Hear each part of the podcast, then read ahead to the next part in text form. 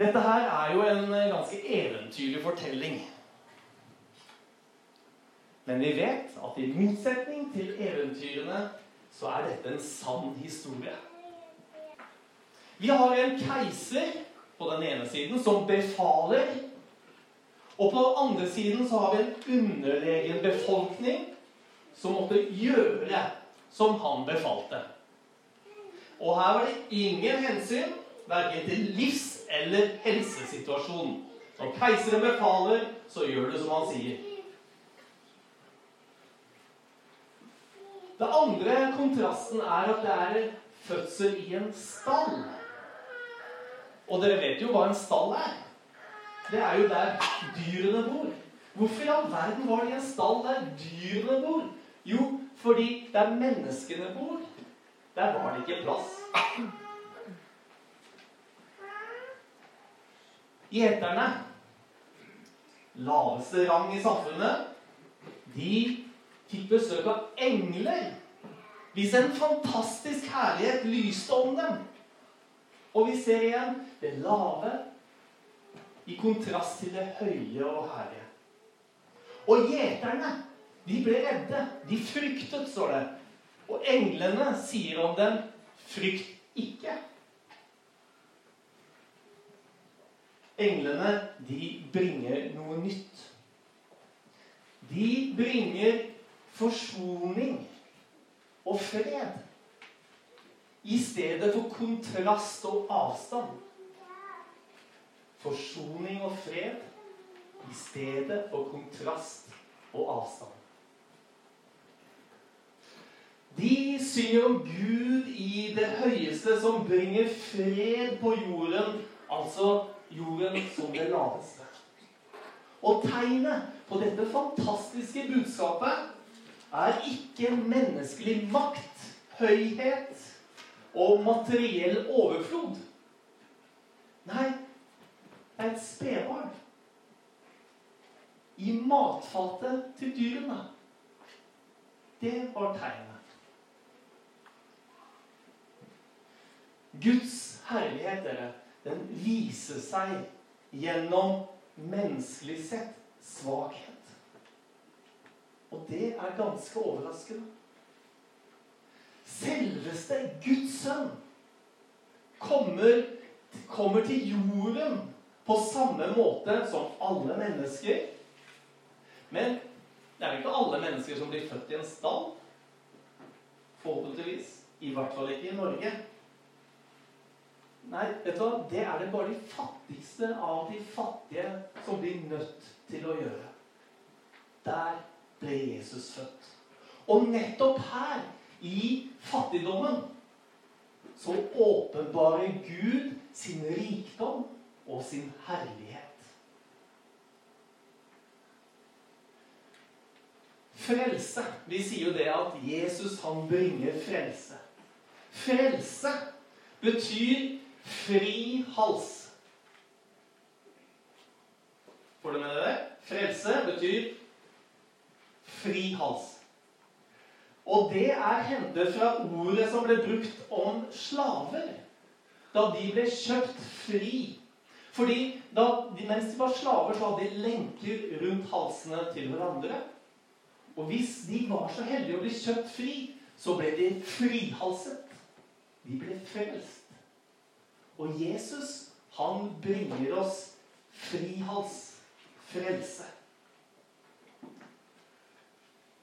Og vet du hva? Det er ikke menneskelig rikdom eller materialisme som setter deg i frihet. Nei, det makter bare å slavebinde enda mer. Det er faktisk en grunn, en god grunn, til at Jesus, Jesus sin første nedskrevne tale i Matteus evangeliet begynner med 'Salige er de fattige i ånden'. Eller som det blir oversatt et annet sted 'Salige er de som er fattige i seg selv'. For himmelriket er deres. Og så senere så sier Jesus at det er vanskelig for en som er rik, å bli frelst. For saken er det at når vi er tomme, når vi er fattige, da kan Guds frelse og fylde få plass. Akkurat som den tomme krybben som ble fylt av Jesus. Har du tenkt på Det er kanskje bare jeg som, siden jeg har dette som jobb, da. Hvorfor det er så vanskelig å få nordmenn til å åpne seg for Jesus? Jeg tror det er fordi vi er så rike. Det er fullt. Ikke bare materielt, men på alle livets områder så er det fullt. Fattigdom og tomhet, det blir foraktet. Vi skal klare oss selv. Men det var til samfunnets fattigste, nemlig gjeterne, som fikk englebesøk. Ikke de rike og selvgode. Og Jesus han gjør noe som er helt sånn Det var noe helt nytt og annerledes på sin tid. Han løfter fram barna som forbilder. Ja, ikke bare det, men han sier at for at, at vi må bli som barn for å få del i himmelriket. Og hvordan er barn? Jo, de er overgitte, troskyldige, og de er tillitsfulle til sine foresatte. Allerede kong David i Gamle Testamentet han hadde forstått dette, og så skrev han ja, det som kanskje er Bibelens korteste kapittel i Salme 131. Herre, mitt hjerte er ikke hovmodig. Mine øyne er ikke stolte. Jeg går ikke med tanker som er for store og underfulle for meg. Nei, jeg har fått min sjel til å bli stille og rolig. Som et lite barn hos sin mor. Som det lille barnet. Slik er min sjel i meg. Israel, vent på Herren fra nå og til evig tid. Slik lyder Salme 131. Mens vi, vi har så lett for å kave og stresse for å skape oss selv og våre nærmeste et godt liv. Vi har ikke tid til å vente. Intensjonen i det, det er bra. Men resultatet, det er at vi stoler mer på oss selv enn på vår Far i himmelen. Enhver er sin egen lykkes smed. Livet, det dreier seg om meg, mitt og mine nærmeste. Og er vi skikkelig heldige, så kan vi få det fint både materielt og fysisk. Men det får oss ikke nærmere himmelriket. For himmelriket, det åpenbarer seg i det lave, i det fattige. Og av en eller annen merkelig grunn så er det der Gud trives best. Kanskje fordi det er der man tør stole på Gud. Som et lite barn eller som noen fattige gjetere.